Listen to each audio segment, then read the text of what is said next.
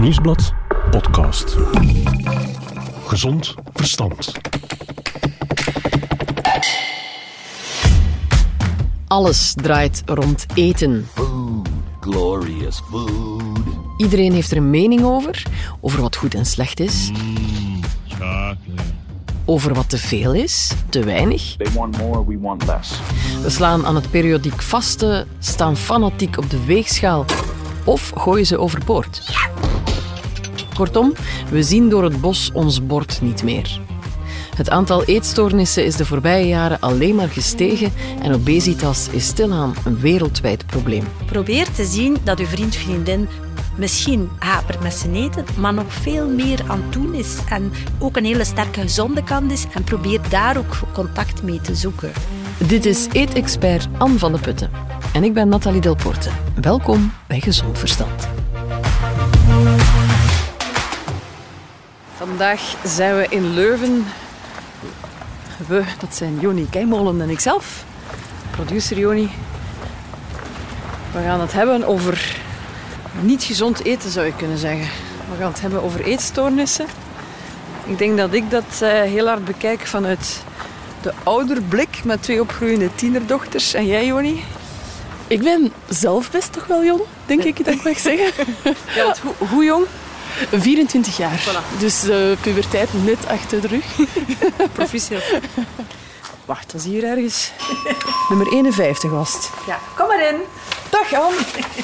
Voilà. Heb je het goed gevonden? Ja, ja, ja. ja. Heel vlot. Ja, hallo. Welkom. Voilà. Gezellig zitten jullie. Kom maar in de keuken. We hebben een klein huisje en we werken hier allemaal graag in het uh, cozy van een gewoon huisje. Ja, dat is fijn. We zijn verhuisd en toen zei uh, het team, ik zou graag terug dicht bij de keuken werken.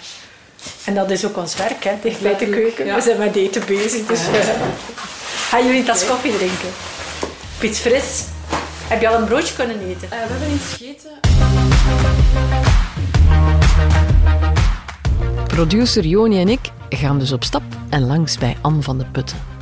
Als psycholoog en gedragstherapeut richtte ze in 1999 het kenniscentrum Eet-Expert op, waar ze samen met veel collega's een netwerk heeft uitgebouwd van hulpverleners om samen een brug te slaan tussen wetenschap, praktijk en beleid.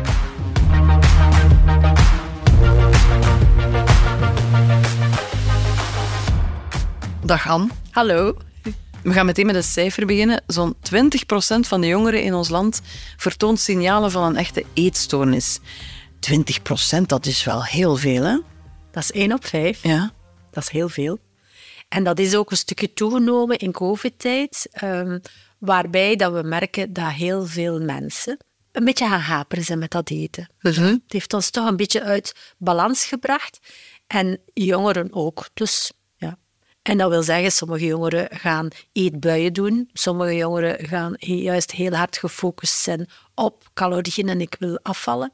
En nog anderen gaan een stuk emotioneel gaan eten. Ja. Van um, dus stress, tekort aan slaap, depressiviteit, uh, stemmingsproblemen in het algemeen kunnen leiden tot niet eten of juist overeten, Ja. emotioneel eten.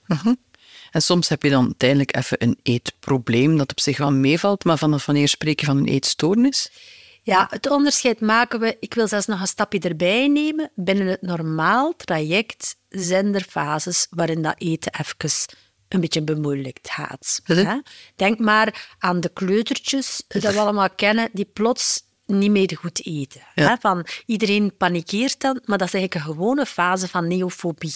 Neofobie. Neofobie. Dat is eigenlijk een aangeboren reflex dat we nog hebben van vroeger. Dus dat als die peutertjes goed kunnen stappen en buiten eh, niet meer bij te houden zijn om te verhinderen dat ze van alles gaan eten wat dat eigenlijk oneetbaar is, is er een natuurlijke rem die zegt wat ik niet ken, eet ik niet. Hè? En dus de meeste kinderen van 2, 2,5 hebben dat even. Een fase van wat ik niet ken, eet ik niet. Die kennen geen broccoli. Die kennen geen broccoli, ook al zeggen veel mama's en papa's, ja, maar die hebben dat gegeten als babytje in puree. Ja, dat is waar, toen hadden ze dat. Maar het feit dat die broccoli er nu anders uitziet, zit niet gepureerd in een papje en ze zien veel meer, hè, kan voor sommige kindjes een, even een stapje te ver zijn. En dan moeten we met tussenstapjes werken. Dat is een fase die voorbij gaat, maar die voor sommige kinderen wel kan duren tot 12 jaar. Wow. Wanneer spreken we dan van een eetprobleem? Als dat een stuk langer duurt en ook een stukje meer bezorgdheid geeft. Maar een eetprobleem concentreert zich aan het, op het tafelmoment. Aan tafel wordt er heel traag gegeten, selectief gegeten, wordt er een stukje nogal krampachtig gegeten, zo met, met, met heel veel uh, worries erbij, kopzorgen erbij. Dan kan dat, uh, als dat tijdens het eetmoment alleen is, kunnen we dat een eetprobleem noemen. Maar wanneer spreken we nu over een eetstoornis? Dat is als die eetbui een stukje um, frequenter voorkomt en ook een invloed heeft op uh, je andere activiteiten. Ja. Dat je eigenlijk nadien gaat compenseren, je schuldig voelen, dat je heel slecht voelt als je in de spiegel kijkt, dat je een stuk het gevoel hebt van nu moet ik gestraft worden, want ik heb te veel gegeten. Van, um, dus het impacteert je niet alleen die eetbui, dat maaltijdmoment, maar het impacteert eigenlijk um, heel wat van de activiteiten dat je nadien in die dag gaat doen. Hè. Bijvoorbeeld, een meisje of een jongen gaat niet meer afspreken met vrienden omdat er gegeten wordt misschien. Ja. Dan kunnen we een knipperlichtje laten aangaan en is er misschien een eetstoornis? Moet dat onderzocht worden? Eetstoornis is altijd niet alleen het eetprobleem, maar dat wordt aangevuld met ook lichaamsbeleving die gestoord is, soms emotieregulatie uh, die gestoord is, omgaan met emoties. Soms kan dat invloed hebben op de slaap ook, het sociale kan geraakt worden. Met andere woorden, het is complex. En dan zou je hopen dat er al een oplossing voor gevonden is. En uiteraard is er al heel veel onderzoek gebeurd. Alleen is ook dat complex. Het ene onderzoek focust op puur het lichaam als bron van het probleem. Een ander kijkt vooral naar het sociale aspect. En weer een ander ziet het schoonheidsideaal of het perfectionisme als grote boosdoener. En Anne, die ziet vooral de jongere zelf, die struggelt.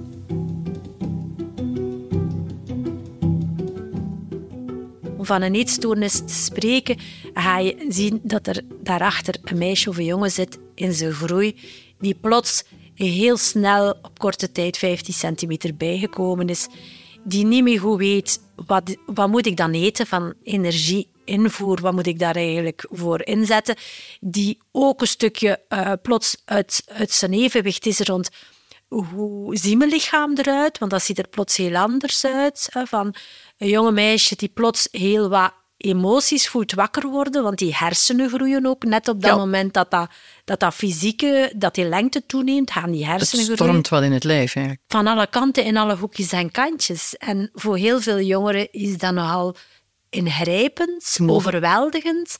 En eh, doet het een zoeken naar houvast. Ja. En in een maatschappij waar dat dun verheerlijk wordt en waar dat er overal rond ons heel veel beelden zijn van mensen die er zo goed uitzien en zo gelukkig uitzien als ze mager zijn, kan dat jongeren in volle storm een houvast geven. En als we het dan concreet hebben over de eetstoornissen, ja, wij kennen vooral anorexia en bulimia nervosa. Er zijn er waarschijnlijk nog meer, of zijn die allemaal een beetje ook weer met elkaar verweven?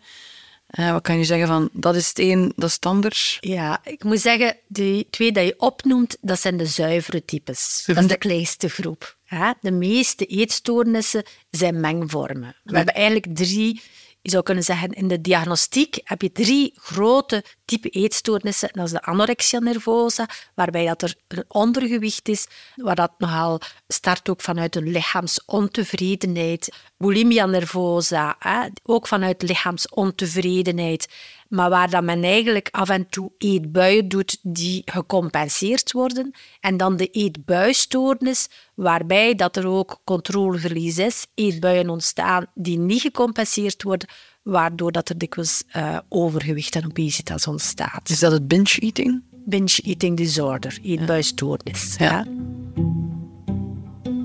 Zo'n eetstoornis heeft best wel wat gevolgen. Het gaat niet om een gebroken arm die je even in het gips steekt, of om een pijn waar je een pilletje voor kan nemen. Er komt dan ook meer dan één hulpverlener bij te pas als het probleem zich stelt. Een dokter kijkt naar de impact op het lijf en zeker ook de groei. Een psycholoog kijkt naar wat het doet met je sociaal leven en je plek in de groep. Een diëtist helpt om je eetvaardigheden te herstellen. Een drieluik dus. Of zo zou het altijd moeten zijn om een jongere terug op zijn groeispoor te krijgen. Nu, als een eetstoornis zich manifesteert, wat zijn dan de risico's en de effecten op het lichaam? De meeste dingen zijn gelukkig omkeerbaar. Het beste medicament is gewoon terug leren op een goede manier te eten. hè. Ehm, maar er zijn een aantal ehm, toch dingen dat we heel goed in de gaten moeten houden. En dat is als iemand bijvoorbeeld serieus ondergewicht heeft, kan dat een invloed hebben op heel de waterhuishouding, Ja. hè, op het cardio, op het hart ook. Ehm, en eh, kun je ook een stukje eh, door de ondervoeding ga je zien dat heel veel eh, organen ook veel kleiner worden. Dus heel, dat lichaam wordt een stukje kwetsbaarder. De groei wordt afgeremd. De groei wordt afgeremd, kan zelfs stilvallen. Nee. Als iemand regelmatig braakt, moeten we bijvoorbeeld kijken naar de kalium. Door het braken is er een deel eh, die niet meer opgenomen wordt in het lichaam, kalium bijvoorbeeld. Kalium heeft een invloed op alle spieren, maar ook op de hartspier. En in die zin moeten we ook een inschatting laten maken, geregeld, als er, zolang als dat er gebraakt wordt van hoe is de kaliumspiegel in het lichaam en desnoods moet dat een beetje aangevuld worden. Voor de rest, ehm, eetstoornis brengt van alles teweeg. Bijvoorbeeld door het braken ga je gebitsschade zien. En dat is eigenlijk ook niet zo goed herstelbaar. Hè? Dan, daar zeggen we aan jongeren van, kijk, ah, zolang of dat je regelmatig braakt, is het goed om je tanden niet direct na het braken te poetsen, omdat dat glazuur nog een keer aantast, hè, van, maar gewoon mond te spoelen met water. Ja. Want hormonaal heeft het ook invloed als, als bij sommige jongeren de maandstonden ineens stilvallen. Ook dat komt terug Ja. op gang. Dat komt terug op hang na het eh, terug herstellen van het gewicht. Ook al moet ik eerlijk zeggen, in al die jaren dat ik met eetstoornissen werk, zie ik heel veel variatie. Voor sommige meisjes duurt dat iets langer. Dus dat moeten we goed laten volgen door een gynaecoloog of een endocrinoloog van. Ja. Maar het komt weer. En dan ja, het psychologische aspect, dat is vaak nog groter. Wat, wat doet dat psychologisch met een patiënt? Ja, er is iets uh, gek. Hè? Um, weinig eten doet eigenlijk het psychologische gedeeltelijk stilvallen. De emoties gaan als het ware in de koelkast. Ja. En uh, je gaat zien, op korte termijn is dat soms een stukje geruststellend voor jongeren, dat die emoties er niet meer zijn. Maar emoties geven ook een stuk kleur en, en zorgen ook dat je in je groei ook uh, ja, feedback krijgt over wat dat je vindt van thema's en hoe, hoe dat je je kompasje verder kunt afstemmen. Dus we kunnen niet blijvend emoties negeren. Je moet er ook leren mee omgaan. Hè? Van die ondervoedingstoestand zorgt ervoor dat ook een aantal uh, hersenfuncties die ons helpen bij dat psychologische, dat die eigenlijk in ontwikkeling stilvallen. Wat als je het ziet komen bij iemand rond je? In je gezin, in de vriendenkring, op school, in de jeugdbeweging? Wel, het goede nieuws is, het is omkeerbaar. Al is er wel therapie voor nodig. En hoe pakken ze dat als eetexpert aan?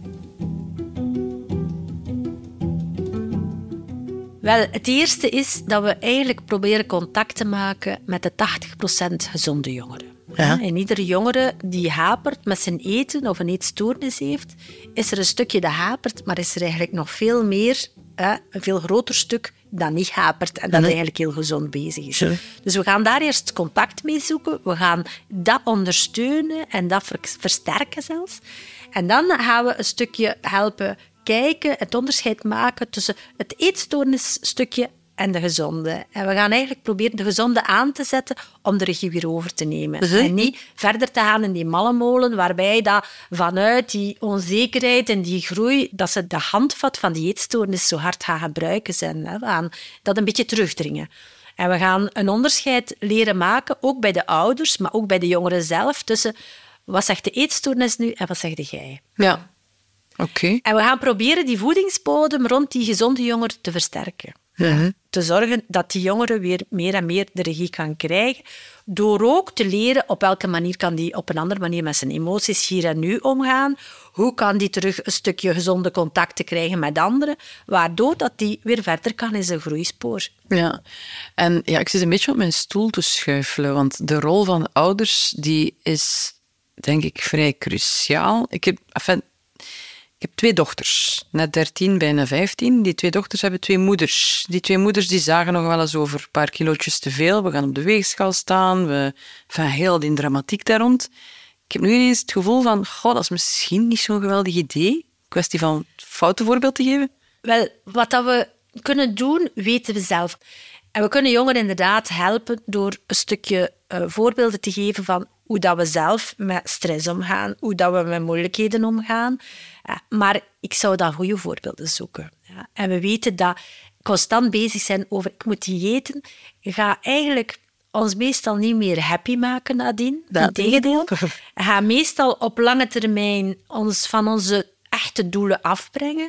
Dus de vraag is of dat dan de goede levenslessen zijn dat we kunnen geven. Ja. Maar we moeten geen perfecte ouders zijn. Hè? Een keer een uitschuiver mag, maar de babbeltjes over lijnen, als je ze toch wilt doen, doe ze dat gepland met een andere volwassene. Ja, met okay. een vriendin, met uh, een supporter, maar niet met de kinderen in volle groei in een kwetsbare periode. Ik zal er op het werk een beetje meer over zagen dan, hey Joni. Want ja, dat is natuurlijk één ding het is logisch dat ik de vragen stel vanuit het ouderperspectief. Maar we hebben hier een jonkie mee. Je had ook een vraag, hè? Ja, ik denk soms dat ouders eigenlijk soms de laatste zijn in heel de omgeving die het doorhebben. Want tieners en jongeren en dingen verbergen voor hun ouders, ze zijn daar expert in. Nee. Wat doe je als je als vriend of vriendin iets opmerkt en wanneer moet je zeggen van oké, hier is er wel echt een probleem? Ja, we merken inderdaad, we hebben een verwijslijn hier in Eetexperts uh, elke dag en er komen heel veel vragen van vrienden, vriendinnen die het eerst opmerken. Hè. Zeker uh, in die fase rond 15 jaar zijn vrienden en vriendinnen soms heel belangrijke partners die ook heel veel zien en veel meemaken en veel tijd bij elkaar zijn. Um, als vrienden en vriendinnen het opmerken, dan is het vaak aan het um, ja, de overfocus op lijnen en eten. Hè, dat ze zien. Dat ze zeggen van, allee, we gaan nu, ah, jongeren in volle groei, gaan een keer een snack gaan halen en jij gaat nooit mee. Of jij, jij bent precies niet meer ontspannen als wij samen eten. Hè? Of je gaat zelfs uitstapjes uit de weg. Hè? Van, of we horen nu uh, dikwijls na het eten terug naar het toilet gaan en we maken ons bezorgd. Dus dat zijn wel signalen dat ze oppikken. Maar het zijn ook soms signalen die wat ruimer liggen. Zo van, uh, jij waart zo'n leuke, uh, met wie dat we altijd konden lachen en die zoveel vertelde. Je bent zo stilletjes geworden. Ja, ja. Of uh, je laat ons precies nooit meer toe. Hè? Van, je bent een gesloten boek geworden. Dus het zijn belangrijke signalen dat vrienden zeggen. En vrienden vragen ons soms dan van... We zien de signalen, maar hoe moeten we dat dan bespreken? Dus hè? Van, en dan zeggen we ook hetzelfde wat we aan de ouders zeggen. Van, probeer concreet gedrag naar uw vriend, vriendin terug te geven, waar dat je gerust in voelt. Hè, van, probeer dat te doen op een rustig moment, maar probeer ook de, niet alle gesprekken daarover te hebben. Van, probeer te zien dat uw vriend, vriendin misschien hapert met zijn eten, maar nog veel meer aan het doen is en ook een hele sterke gezonde kant is en probeer daar ook contact mee te zoeken. Hè. Uh, sommigen neigen dan een beetje in de politieagentrol van constant daarover te praten en controle over te nemen. En anderen neigen om het helemaal uit de weg te gaan. Eigenlijk wat dat we doen, is een beetje naar die evenwicht. Je mag, als dat je ongerust maakt, is het beter naar een hele goede vriend daar even over te praten, over wat dat je ongerust maakt, maar zonder diagnoses. Ja. Concreet gedrag. En tegelijk hou contact met uw vriend en vriendin die in zijn gezonde kracht staat en probeer ook te blijven afspreken daarmee. We hebben het eh, sowieso over jongeren meestal, maar we hebben het ook heel vaak over meisjes. Uh, hoe zit het met de jongens? Uh, bijvoorbeeld heel veel gasten die sixpacks kweken en zich suf fitnessen. Speelt daar ook geen verstoord lichaamsbeeld? Um, ja, de, de, jongens blijven dikwijls uit de picture. Hè, van, uh, we praten er niet zo vaak over, ja. maar ook jongens uh, gaan in die stormachtige groei soms eens haperen. Dat is normaal. Hè? En als we kijken waar dat jongens dan op haperen, van heel vaak is het niet dat ze heel hard gaan lenen, hè, van, maar um, een magere jongen heeft ook niet zo heel veel um, aanzienende groep. hè, van, eh, zo zit het nog altijd een beetje bij, bij de jongens. Hè. Ze moeten er eh, stoer en sterk uitzien. En, en inderdaad met die sixpacks. Dus jongens gaan, als ze haperen, gaan ze vooral haperen door te veel gefocust te zijn op die sixpacks. Op heel die, eh, vanuit die fitness, Spieren kweken. focus, spieren kweken. En soms ook vanuit die fitness websites aanzetten tot zeer eenzijdig eten. Het gaat meestal over jongeren. Sowieso, logisch. Heel, heel, heel dat lijf verandert, er gebeurt van alles. Maar er is ook nog zoiets als ehm, de menopauze, waar hormonen ook weer alle kanten op slaan of verdwijnen. De vrouwen worden zwaarder. Zie je daar ineens weer een opflakkering van eetstoornis? Eigenlijk zijn alle transitiemomenten in het leven van een vrouw of een man risicomomenten. Ja. Waarom? Omdat je uit balans bent en dat je zoekt naar een houvast. En eten is maatschappelijk in onze cultuur een van de eerste houvasten dat we geleerd hebben. En op al die transitiemomenten in ons leven, als we ons niet zo goed voelen, zijn er mogelijk risicomomenten om met eten even vast te raken. Dus ook in de menopauze. En zeker aangestuurd door dan een aantal biologische processen in het lichaam. Van, dat je voelt van hormonaal krijg ik, is mijn honger- en verzadigingscentrum precies helemaal verstoord. Mijn slaap is ook verstoord. En we weten dat slaap eh, die verstoord is dan ook weer leidt tot eh, honger- en verzadigingscentrum verstoord. Eh, ik kan me niet goed in mijn lijf voelen. Ook psychologisch heb ik handvatentekort. Eh, dus inderdaad, de menopauze is een risicofactor. Ook over eetstoornissen zal dokter Google je heel veel proberen wijs te maken. Soms terecht, soms slecht verteerbaar en er soms compleet naast. Daarom checken we ook nu weer wat feit en fabel is. Instagram heeft gezorgd voor een tsunami aan eetstoornissen. Dat weet ik niet. Ehm, ik weet dat sociale media voor sommige jongeren heel veel verbinding brengt met andere jongeren. Ja. En ik weet dat sociale media voor andere jongeren tegelijk overweldigend is en dat ze erin vastlopen en dat ze in tunnels geraken. Dus wat dat we moeten doen, is jongeren ermee leren omgaan, leren vaardiger worden. Ehm, sociale media verbannen zou jammer zijn. Instagram verbannen zou heel jammer zijn, want heel velen komen met andere jongeren in contact. Maar er moet absoluut ingezet worden op jongeren leren omgaan met die algoritmes, met, die, ehm, met die omgeving, die sociale omgeving op sociale media. En we zijn dat ook aan het doen. Hè. Tegen het eind van het jaar hebben we materiaal voor die hulpverleners die heel kort bij die jongeren staan op de leefplekken van jongeren. En daarna gaan we ook materialen maken voor onderwijs, voor ouders, zodanig dat we de jongeren kunnen helpen. Niet ontbijten is het begin van een eetstoornis. Niet ontbijten is iets wat ik niemand zou adviseren. Eh, niet ontbijten is het een beetje moeilijker maken. Maar het wil niet zeggen dat al diegenen die absoluut niet gemakkelijk ontbijten, dat die een eetstoornis gaan krijgen.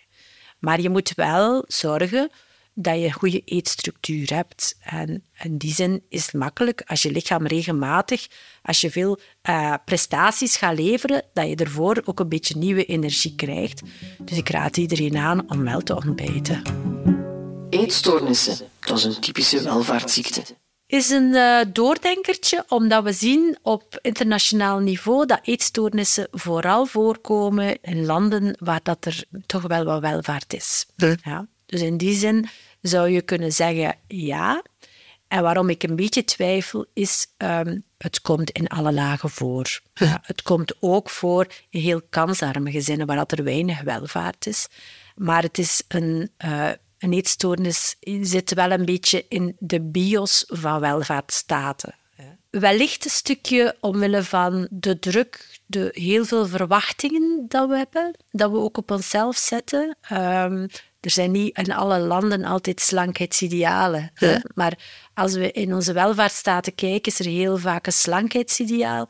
En naar jongeren die in hun groei met heel veel eh, verwachtingen en druk groot worden, die gaan gemakkelijker zoeken naar houvasten en kijken rond zich heen wat dat ideaal is en gaan gemakkelijker voedingspoten hebben voor een eetstoornis.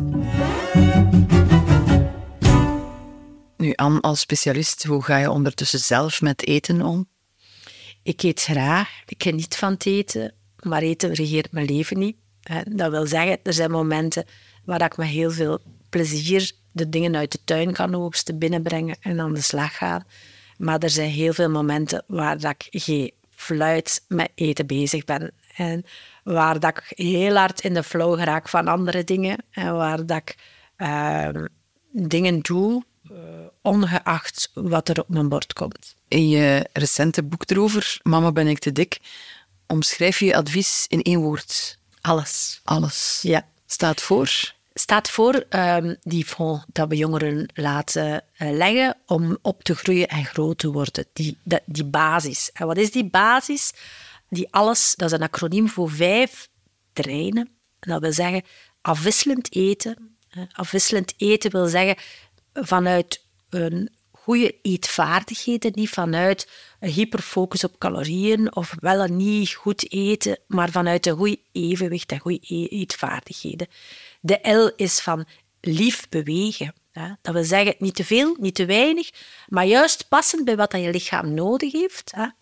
Die tweede L is vanuit een lichaamstevredenheid. Probeer eh, de tijd te nemen om te wennen aan dat lichaam en er ook op een lieve manier mee om te gaan. Die E is probeer die emoties die wakker worden, van daar dingen voor te zoeken om daar op een goede manier mee om te gaan. En probeer de S, probeer goed te slapen. Dus slapen is eigenlijk een goed fundament. We hebben dat nodig.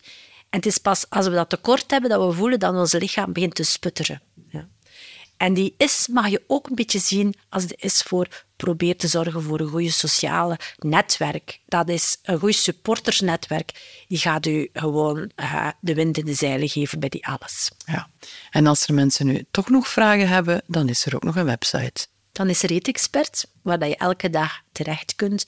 Zeker voor verwijshulp. Hè. Op het moment dat je zegt, ik weet niet waar ik terecht kan in Vlaanderen voor goede hulp, dan kun je gewoon een mailtje sturen en krijg je binnen de 48 uur een antwoordje met een paar adresjes in je buurt waar dat je terug En nog eens heel sympathiek ook.